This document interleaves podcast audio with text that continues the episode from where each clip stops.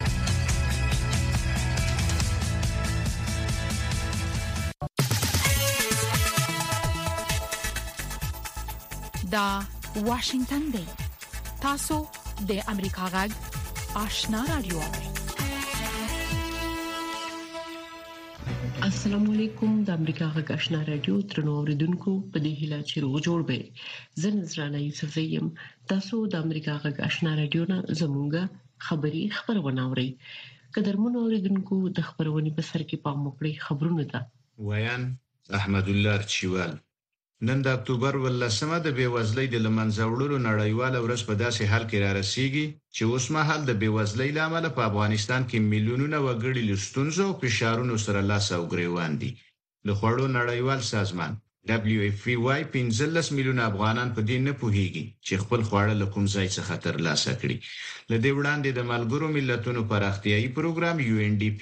د روان کال د سرطان میاشتې په پای کې په یوه راپور کې ویلي چې د افغانستان پنځه اتیا سلنه خلک د فقر تر کرښې لاندې ژوند کوي. دغه سازمان دا هم ویلي، چې په دوه زره یوویشت کال کې د طالبانو تر بیا ځلې واکمنۍ وروسته د افغانانو عایدات د پخوا په پرتله دېرش سلنه کم شوی. د ملګرو ملتونو اړونده د بشري مرستو د همغږۍ ادارې، اوچا، په یوه خبرپاڼه کې چې بېګا یې پر خپله وېبپاڼه خپره کړې ویلي، چې تېره اونۍ د هرات په ولایت کې د درېیو زلزلو په پایله کې شاوخوا پنځلس سوه کسان مړه شوي او نږدې دوه زره نور ټپیان دي. مخکې د دې زلزلې د مړو شمېر دیارلس سوه تنه ښودل شوی و. خبرپاڼه همداراز په دې زلزلو کې د څه د باندې درې زره او درې سوه کورونو د ورانېدو او په ټوله کې له دري څلوېښت زرو زیاتو خلکو د زیانمنېدو خبر ورکوي. بلخوا اوچا د هرات په زلزله ځپلو سیمو کې د دوه سوه او پنځه څلوېښت بې سرپرسته کوچنیانو چې کورنۍ یې له لاسه ورکړي د موندلو ادعا کوي. اوچا په یوه بیان کې همداراز وايي چې له څلور سوه زیات بې سرپرسته مشران او دوه سوه او اویا معلول کسان یې چې په وروستیو دریو زلزلو کې زیانمن شوي هم موندلي. له دې مخکې د کوچنیانو لپاره د ملګرو ملتونو د مرستو صندوق یونیسف راپور ورکړی و چې د افغانستان د لویدیځ په وروستیو دریو زلزلو او ورپسې ټکانونو کې په سلو کې نوي مرګ ژوبله ښځو او کوچنیانو ته اوښتې. د طالبانو د حکومت د صنعت او سوداګرۍ وزارت وايي چې د دغه وزارت د سرپرست نورالدین عزیزي په مشرۍ یو پلاوی د یوه کمربند یوې لارې په دریم کانفرنس کې د ګډون لپاره چین ته تللی. د صنعت او سوداګرۍ وزارت یوې سرچینې نن امریکا غږ ته ویلي چې د دغه وزارت د سرپرست نورالدین عزیزي په مشرۍ یو پلاوی تېره ورځ په دغه کانفرنس کې د ګډون لپاره له کابل څخه د چین پایتخت بیجینګ ته روان شوی. له امریکا غږ څخه خبرونو ته دوام ورکوو. سپینه ماڼۍ وايي چې ولسمشر جو بایډن به راتلونکې چهارشنبه د حماس بریدونو څخه وروسته اسراییل سره د ملاتړ څرګندونو لپاره دې هیواد ته په رسمي سفر ولاړ شي. د سپینې ماڼۍ په اعلامیه کې ویل شوي چې بایډن به د اسراییل څخه وروسته اردن ته ولاړ شي چې د باچا عبدالله، د مصر ولسمشر عبدالفتاح السیسي او فلسطین د ولسمشر محمود عباس سره وګوري. په اعلامیه کې همدارنګه راغلي، چې بایډن به د اسراییل سره د ملاتړ څرګندولو ترڅنګ په راتلونکو ګامونو سلا مشورې وکړي. خیریه ټولنې وايي، د بشري مرستو کاروانونه، چې له څو ورځو راهیسې په مصر کې درېدلي و، نن له غزې سره د سرحدي سیمې رفاه په لور خوځېدلي. په دې اړه ستاسې پام دې راپور ته راګرځوم. رفح د غزې یوازینی سرحد دی چې اسرائیل نه اداره کوي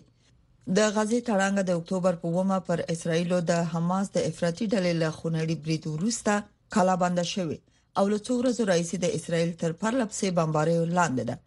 مصر د رفح سرحد د مرستو او د هغو بهرنیانو پر مخ بند کړي و چې له سیمینه د وټلو هڅه یې کوله نو شباشنا امریکا غاک واشنگټن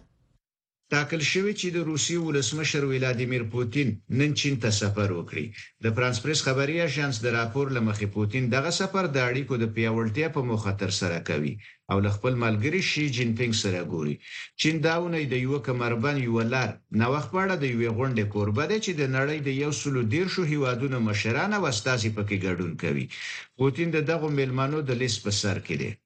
د لوبو له ډګره وروستی خبر دا دی چې د افغانستان د فوټبال ملي لوبډلې منګولیا ته په ماتې ورکولو سره د نړیوال جام او د اسیا جام د ګروپي پړاو لوبو ته لاره ومونده. نن په دوهمه لوبه کې چې د منګولیا په پلازمېنه اولن باتور کې ترسره شوه، افغانستان منګولیا ته یو د صفر پر وړاندې ماتې ورکړه. په مخکینۍ لوبه کې چې تېره اونۍ په تاجکستان کې ترسره شوې وه هم افغانستان د یوه ګول په وهلو سره له منګولیا لوبه ګټلې وه. د نړیوال جام او اسیا جام ګروپي پړاو کې به افغانستان له قطر، هند او کویټ سره په یوه ګروپ کې وي. دا او د دې ساعت خبرونه چې تاسو ته هم په واشنګټن کې د امریکا غږ له سټوډیو وړاندې کړل.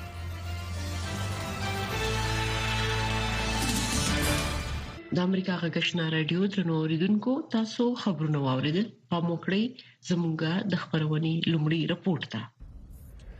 ټاکل شوې ده د متحده ایالاتونو ولسمشر جو بایدن د چاشنبې په ورځ اسرایل ته لاړ شي د بارنو چارو وزیر انټونی بلینکن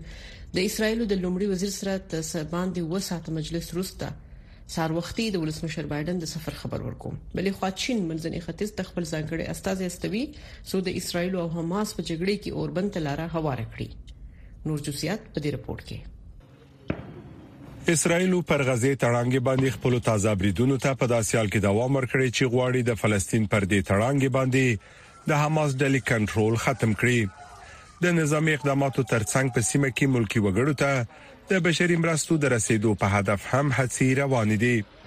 د متحده ایالاتونو د بهرنیو چارو وزیر انټونی بلینکن په سیمه کې خپل ډیپلوماټیکو سلام مشورو ته دوام ورکړی او د منځني ختیځ له نورو مشرانو سره یې تر څو ورځنیو لیدنو وروسته د دوشنبې په ورځ د اسراییلي چارواکو سره خبرې وکړې.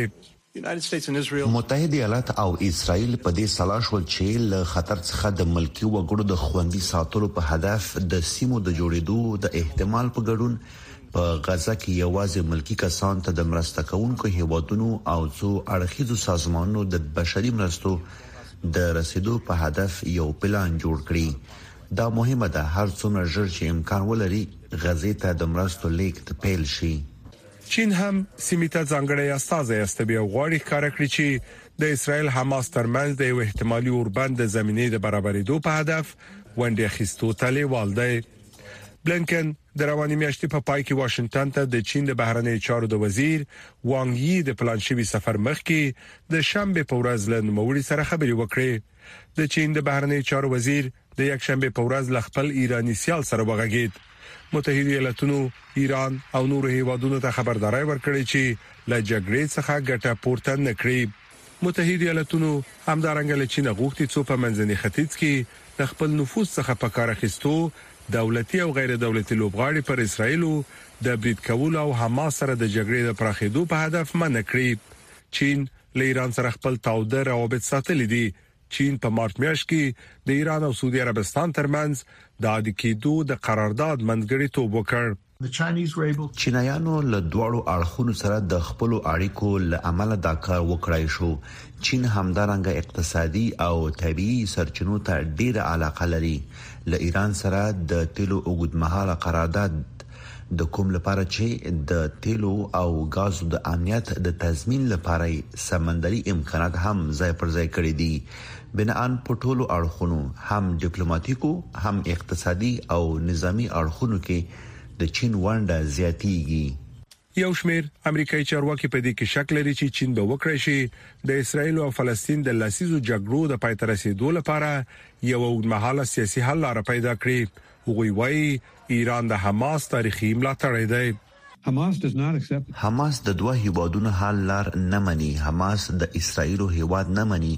حماس د خپل باور له مخې غواړي د اسرائیلو هیواد له منځه یوسي او اسرائیلیان ووژني، اوس به ولیدل شي چې ایا چین کولی شي یو واقعي منځګړی واوسي. چین روانه اونۍ د یو کمربند یوې لارې د نوښت د غونډې لپاره د یو سلو دېرشو هیوادونو د چارواکو کوربتوب کوي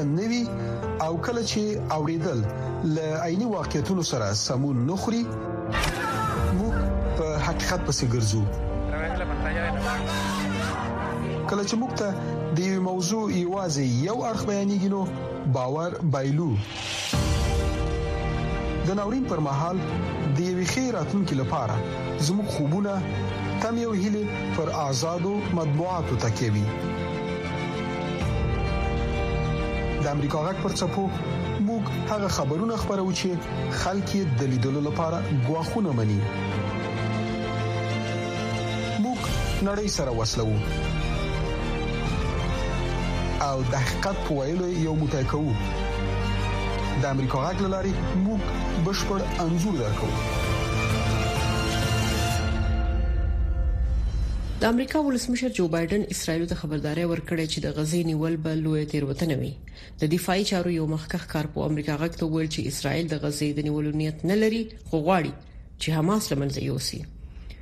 مونږه په اسرایل کې د دفاعي او سیاسي چارو د شنونکو ډان فیفرمن سره مرکه کړې ده تاسو یې دراورو اوسنۍ وضعیت ډیر خراب ښکاري د ملګرو ملتونو لخوا فلسطینیانو ته د وټلو لپاره د وخت په نور کولو نیوکې شوې دي تاسو څه فکر کوئ چې د اسرایل پوز په خپل ځمکني برودونو ته دوام ورکړي که څه هم ملکی وګړي هلته موجود وي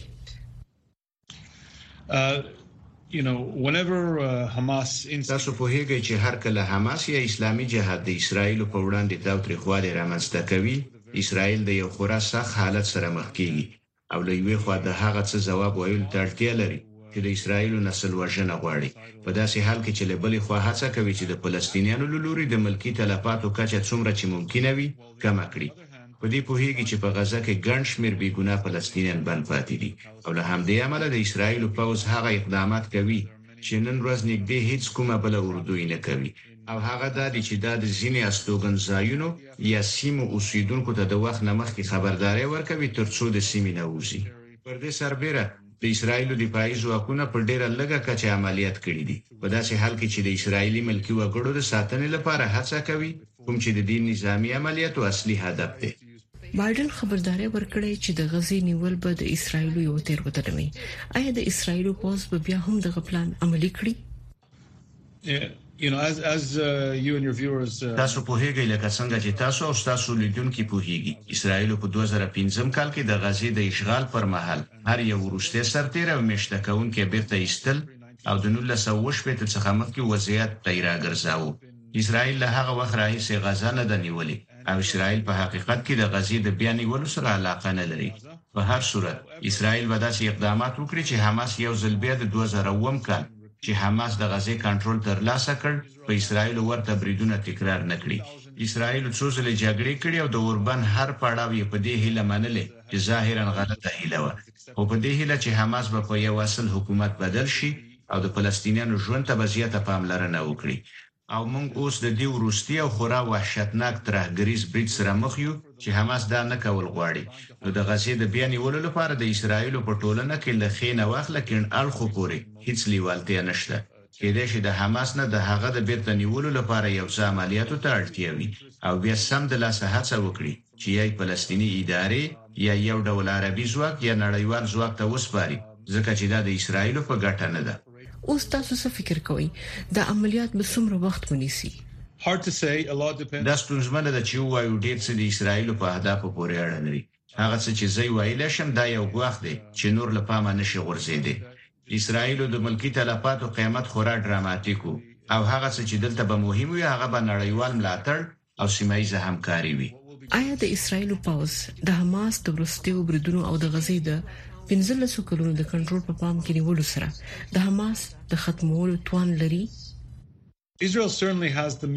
اسراییل په یقین سره نظامي وړتیا لري. دلته ننګونه دا ده چې څنګه په داسې سخت ترتیب کې دا کار وکړو. حماس ډله په قصدي توګه د غزې په تر ټولو ګڼ مېشته سیمو کې ځای پر ځای شوې ده، څو له ملکي وګړو څخه د انساني ډال په توګه کار واخلي. دا هغه ستراتیژي ده چې حماس له یوې خوا په اسراییلي ملکي وګړو برید کوي او بیا کله چې اسراییل په بنسټیز ډول پوځي عکس العمل ته اړ کېږي، د فلسطین ملکي تلفات د حماس سره مرسته کوي او له نظامي اړخه په دې کې هیڅ شک نشته چې اسراییل حماس په لوی توپیر وماتولی شي. دا د غزې د ملکي وګړو په اړه د اسراییلو اندېښنه ده چې هر ډول نظامي غبرګون به نور هم پېچلی کړي.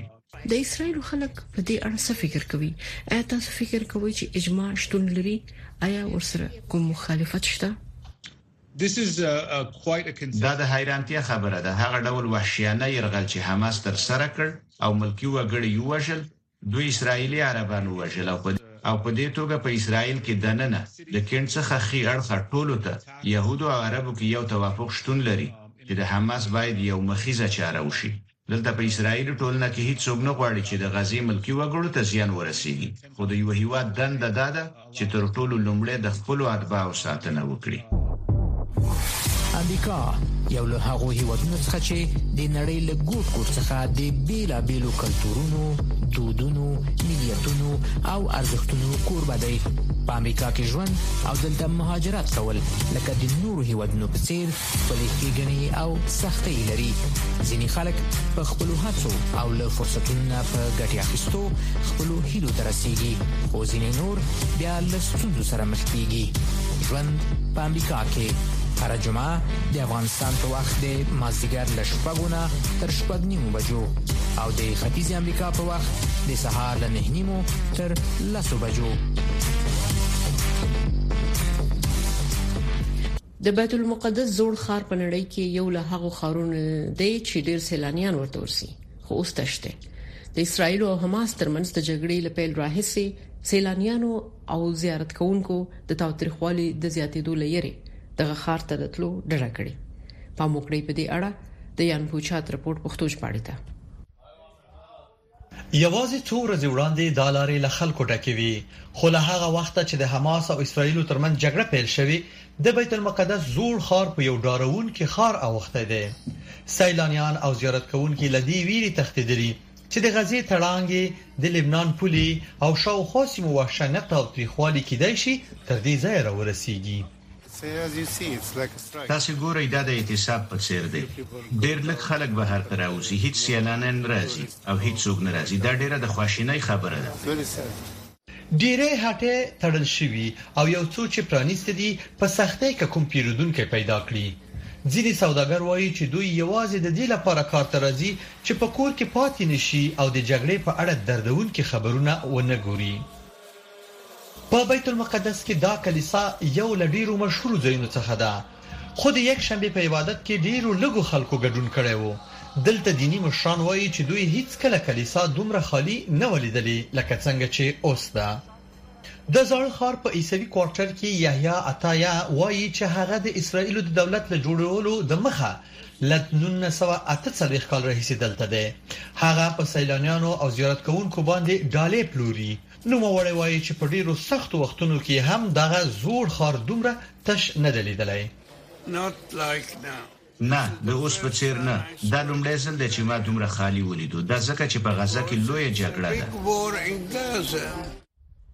د دوه زره درویشت کال په لومړیو نهو میاشتو کې نږدې دوه اعشاریه اووه میلیونه سیلانیان دلته راغلي،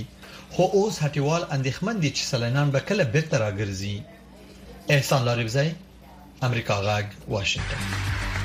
طالبانو د افغانستان له دننه د امریکا غږ راډیو خبرونه درولې دي خو امریکا غږ په پوره شمنتیا خپل افغان اوریدونکو ته په پښتو او دری ژبه د کره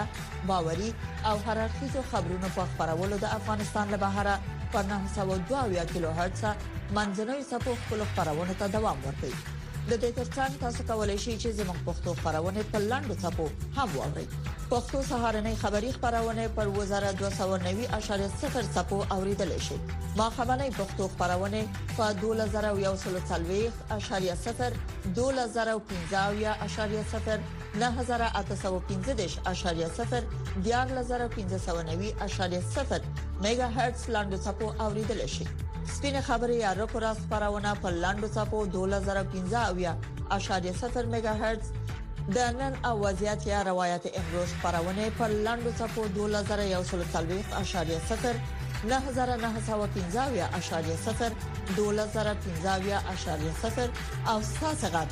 یا صداي شما خبرونه پر لاندو صفو 2015.0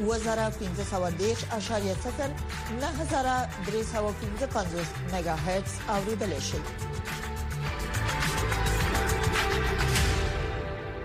په افغانستان کې د خړو نړیوال پروګرام وایي چې په هرات ولایت کې د زلزلې ځپلو سره د مرستې په موخه 19 میلیون ډالر ته اړتیا لري د ملګرو ملتونو د بشري مرستو د همغږۍ اداره یا اوچا وایي چې په هرات ولایت کې د دریو زلزلو لامل لږ تر لږه 1500 کسان وژل شوي دي نور تفصيل په دې رپورت کې تر سختو زلزلو وروسته هراتيان لاسنیوي ته اړتیا لري په افغانستان کې د خوړو نړیوال پروګرام وایي نږدې 19 میلیون ډالر ته اړتیا لري چې خلکو ته مرستې ورسوي.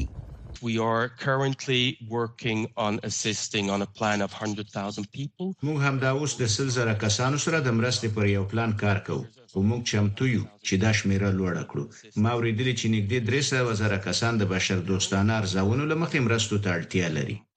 د دوشنبې په ورځ د ملګرو ملتونو د بشري مرستو د همغږۍ ادارې هم تر راتلونکو شپږ میاشتو د خلکو سره د مرستو لپاره شاوخوا 93 میلیون ډالر غوښتي وو A total of 93.6 million dollars په ټوله کې د ژوند ژغورنې او بیا رغونې لپاره په راتلونکو شپږو میاشتو کې 93.6 میلیونو ډالرو ته اړتیا ده. د ملګرو ملتونو د معلوماتو له مخې په هرات کې د زلزلو له امله لږ تر لږه یو زر پنځه سوه کسان وژل شوي او دوه زره نور ټپیان دي. په زلزلو کې څه باندې درې زره او درې سوه کورونه ویجاړ شوي او په ټوله کې له درې څلوېښت زرو زیات خلک زیانمن شوي دي. زیاد این جگاه هوا همینطور خنک از طرف ایراد میآید که دیگه هیچ طاقت کار نباشد شورد به تیز خیمه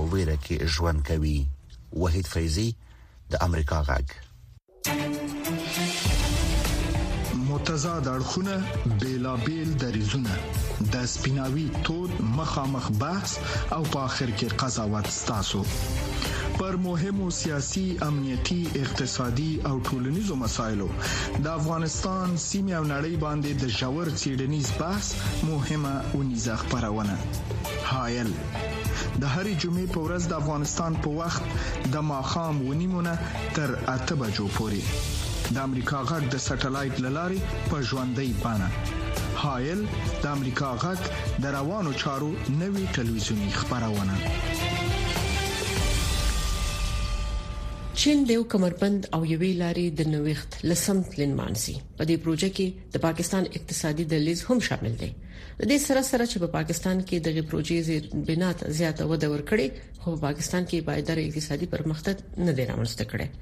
نور تفصيل په دې رپورت کې د سړک پر سر د مطیع الله د رستورانت په پخلنځي کې تل د پیریدونکو لپاره ګرم چای، تازه ډوډۍ او مثاله دار کړایي چمتو وي.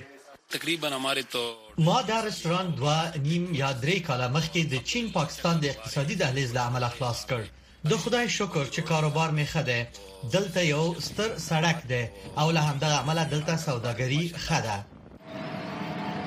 د چین او پاکستان اقتصادي دهلیز د یو سړک یو کمربند د سترو پروژو څخه یوه ده. له هغه وروسته چې یوه لسیزه وړاندې پیل شوه، دغه پروژې پاکستان کې اړینه سوداګري، ترانسپورت، او د انرژۍ بېخ بنا ته وده ورکړه. د چين له خوا تمويلېدونکې دغه پروژې لګښت شپېته ميليارده ډالر اټکل شوی. د مطيع الله وړوکی کلی، کوزه بنډه د چين پاکستان د اقتصادي دهلېز سره تړلې د يو سلو شلو کيلومترو لويې لارې پر سر پروت دی. له هغه وروسته چې د دې لويې لارې فرعي سړکونه جوړ شوي، د ځمکو نرخونه لوړ شوي، خو دلته نوي کاروبارونه نه دي پېل شوي. د چین او پاکستان د اقتصادي دهلیز موخه په سیمه کې اتصال او بېخبنا وده کول و، چې دا چارې په سیمه کې د صادراتو د زیاتېدو لامل شوې وو، خو دا کار ونه شو. هغسې چې تمه کېدله، صنعتي پرمختګ ونه شو. د پاکستان ناسمې سیاسي تګلارې هم له دې دهلیز څخه د ګټې نه اخیستلو لامل شوي. په ادارو کې د کار ځنډېدنې، په پاکستان کې امنیتي حالت او د کرونا وبا د چینايي پانګوالو د پانګو مخه ونیوله. دا فاکتورونه د پاکستان او چین د اقتصادي دهلیز د دویمې برخې د ځنډ لامل شوي. د دهلیز په دویمه برخه کې چین د درندو ماشینونو د کارولو تابیا لري.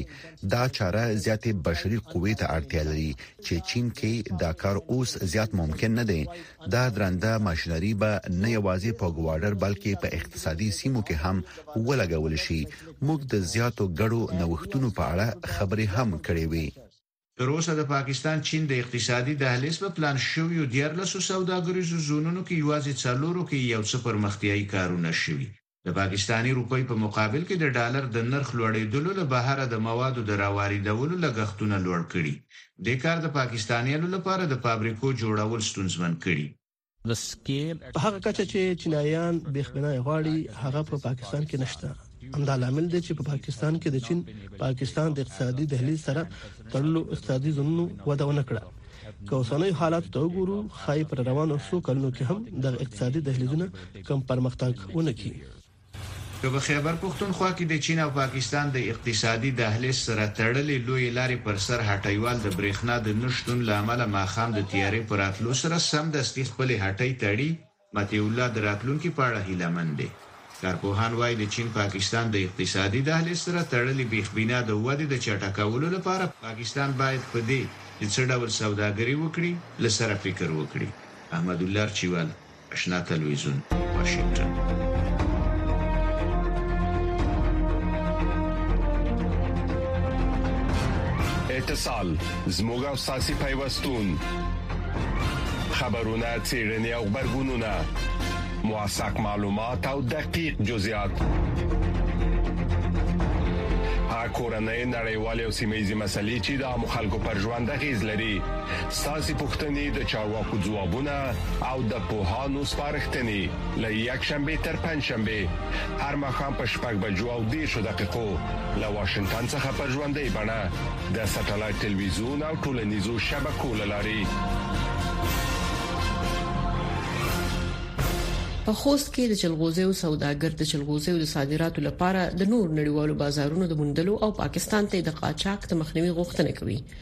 دوی وایي چې پاکستان سوداګر د افغانستان چلګوزي په خپل خاص مارک بهر ته صادروي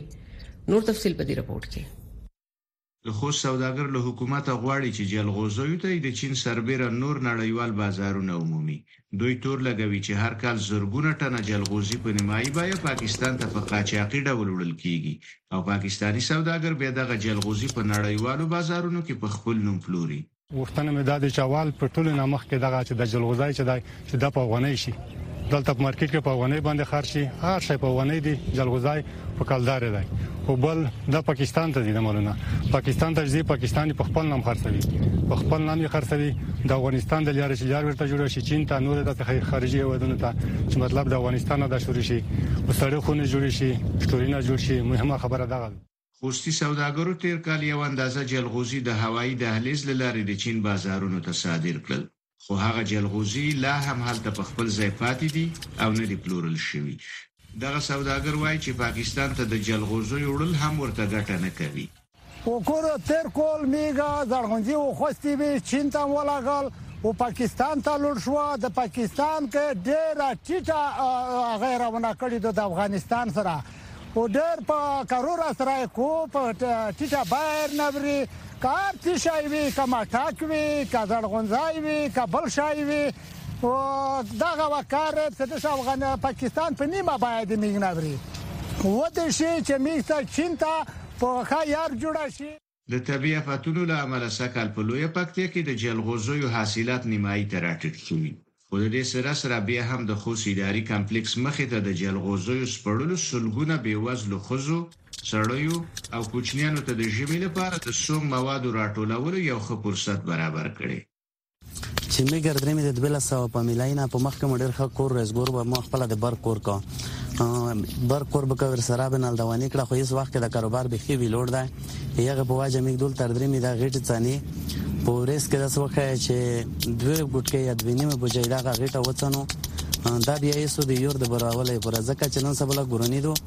د ګرونۍ په وجه موږ د غیټه څنو چې بل طریقه نه لرو د لرګیو د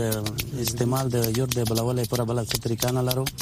یغه په وجه موږ د غیټه څنو د بیا خپل یور په بلو د زغونځي دی ته ورکو غیټه یې میږي د خوست د سوداګرۍ او صنایعو خونه هم د جلغوزیو د سوداګرو ستونزې تاییدوي. او له حکومت څخه د دوی ستونزو ته د حل لارې موندلو غوښتنه کوي.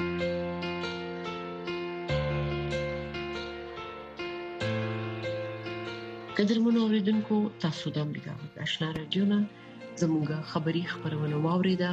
موږ تاسو ته د دې اجازه غواړو چې خبرونه به اوریدلې وي د خوده په